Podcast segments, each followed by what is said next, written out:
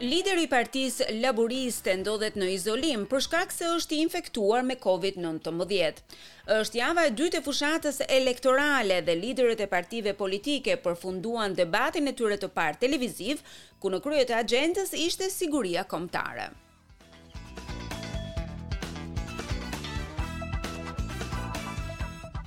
Lideri i opozitës, Anthony Albanese, ndodhet në izolim për shkak të Covid nëntëmbëdhjetë. Ai tha ABC se edhe pse është i kufizuar në lëvizje, kjo nuk do të thotë se ai është i izoluar në veprim. Well, we were getting uh, momentum, but uh, I'll be back for the second half.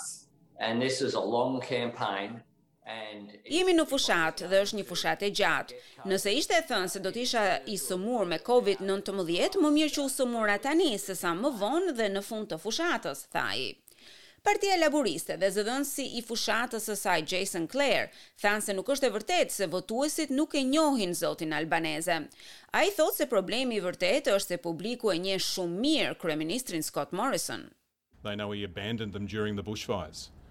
They know that he failed them by not buying enough vaccines. Ata e dinë se ai i braktisi gjatë zjarreve, e dinë se ai dështoi kur nuk bleu sasinë e mjaftueshme të vaksinave, në një kohë kur i gjithë populli lëngonte nën izolim. Ata e dinë se ai dështoi gjatë përmbytjeve ku njerëzit kishin mbetur nëpër çati duke pritur helikopterë. Ata e dinë se kjo qeveri i ka mbajtur qëllimisht pagat të ulëta për një dekadë të tërë. Ata e dinë se kjo qeveri i ka prishur paratë e taksapaguesve për përfitimin e saj, Partia e Scott Morrison është gënjeshtare, tha ai. Ndërkohë, çështja më e debatuar kësaj jave ishte siguria kombëtare. Të martën, Kina njoftoi se kishte nënshkruar një pakt sigurie me Ishujt Solomon për të promovuar paqen dhe për të ruajtur stabilitetin në rajon. Por ka patur shqetësime se marrëveshja e nënshkruar mund të çojë në një prani ushtarake kineze në rajon.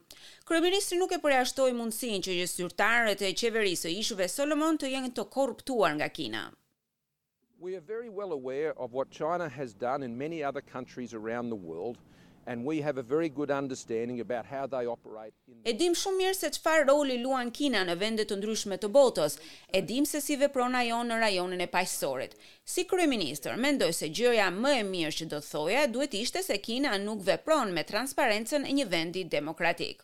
Gjatë javës koalicioni e akuzoi për hipokrizi nënkryetarin laburist Richard Marles, i cili ka thënë se tregtia me Kinën ka vlerat e saj. Ajo përmendi një fjalim që zoti Marles kishte mbajtur në shtator të vitit dy mijë e nëntëmbëdhjetë, Në fjalimin e tij, zoti Marles tha se ishte vetëdijshëm për rolin në rritje që Kina po luante në ofrimin e ndihmës për zhvillim në Paqësor dhe se ishte diçka e dobishme. Paqësori kishte nevojë për ndihmë dhe Australia duhet të mirëpresë çdo vend që dëshiron ta ndihmojë atë.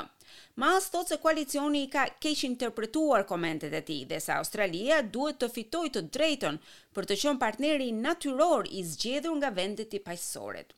Por fjalimet nuk mbaruan me kaq. Në fushatë me kryeministrin në Ipswich, ministri i Mbrojtjes Peter Dutton kërkoi falje për komentet që ka bërë në vitin dy mijë e pesëmbëdhjetë, kur bëri shaka për rritjen e nivelit të detit për shkak të ndryshimeve klimatike në vendet e ishujve të Paqësorit. I, I made uh, comments at the time which were, uh, you know, off the cuff, flippant. I apologized for them. Kam bërë komente në atë kohë të cilat nuk ishin të përshtatshme. Kërkova falje dhe nuk është ngritur më kurrë si problem. Nëse doni të përmendni fjalimin e Richard Marles ose fjalimet e Anthony Albanese, kjo që po ndodh tani në Indo-Paqësor është diçka e cila shkon në kundërpërgjigje të këtyre fjalimeve. Për momentin nuk është faj e Australisë. Këta persona nuk kanë asnjë lloj njohurie në lidhje me çështjet e Paqësorit apo të sigurisë dhe të inteligjencës, tha Dutton. E çështja e sigurisë kombëtare dhe problemet me Kinën morën një vëmendje të veçantë, sidomos gjatë debatit mes dy liderëve të partive. This isn't so much a Pacific step up, it's a Pacific stuff up. They've known about this for months. Kjo nuk është zgjidhje në Paqësor, por një katastrofë në Paqësor. Ata ka kohë që janë në dijeni të kësaj çështje dhe megjithatë, asnjë ministër, as ai i Punëve të Jashtme, as ai i Punëve të Brendshme nuk u mor me këtë çështje.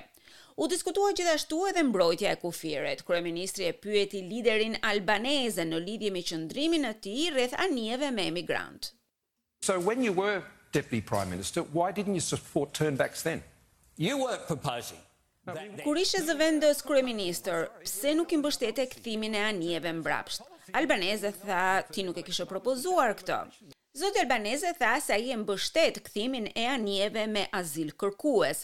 Ndërkohë Morrison u pyet për planet që ka për krijimin e një organi federal kundër korrupsionit. Propozimi i qeverisë deri tani ka marrë kritika nga ish-gjyqtarët dhe prokurorët, për mosmbajtjen e seancave dëgjimore publike për politikanët, apo për nisjen e hetimeve nga këshillat anonime që vijnë nga publiku. Kryeministri tha se ai qëndron pas modelit të qeverisë së tij. It is not a kangaroo court, it is not something that is trying to trial people in the media, it's not about who your boyfriend is or things like that, I've seen the. Kjo nuk është gjykatë për kangurë. Ne nuk po përpiqemi të bëjmë gjithçka për të kënaqur median. Kjo nuk është çështje e cila ka të bëjë me personat që kanë të dashur apo jo. Është diçka që ne po mundohemi ta bëjmë me integritetin e duhur, jo vetëm në New South Wales, por në të gjithë vendin. Ai gjithashtu tha se do t'i kthejë mbrapsht të gjitha anijet.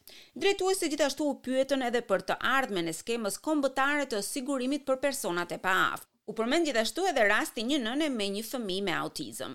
Përgjigjja e Morrison mori kritika, për të cilat më vonë ai kërkoi dhe falje. I can't I I Jenny and I have been blessed we've got two children that don't haven't had to go through that and so for parents with children who Unë dhe Jenny jemi me të vërtetë të bekuar sepse kemi fëmijë të cilët nuk janë të sëmurë. Megjithatë më vjen shumë keq për prindërit me fëmijë të cilët kanë paaftësi. Zoti Albanese u shpall fitues i debatit, dyzet për qind e të anketuarve thanë se e mbështesnin atë, tridhjetë e pesë për qind mbështetën Scott Morrison, njëzet e pesë për qind ishin të pavendosur. Morrison njoftoi se Anne Ruston do të jetë ministrja e Shëndetësisë dhe Kujdesit për të Moshuarit, nëse qeveria federale rizgjidhet. Kjo bëri që laburistët të thonë se kjo nënkuptonte shkurtime për Medicare, megjithatë koalicioni e mohoi këtë. Morrison vazhdoi të mbështesë edhe kandidaten e tij të zgjedhur për selinë federale të Warringa në Sidni, Katherine Deves, e cila ka shkaktuar polemika për një histori të gjatë të komenteve të konsideruara si transfobike. Në një postim në rrjetet sociale, ajo e krahasoi lobimin e saj për të ndaluar sportistët transgjinorë që të konkurrojnë në sportet e grave me luftën kundër Holokaustit. Lista Elektorale Federale u mbyll të hënën, më shumë se shtatëmbëdhjetë milionë australianë do të kenë të drejtë të votojnë kur të mbahen zgjedhjet federale në datën njëzet e një maj. Është numri më i madh i votuesve në historinë e vendit.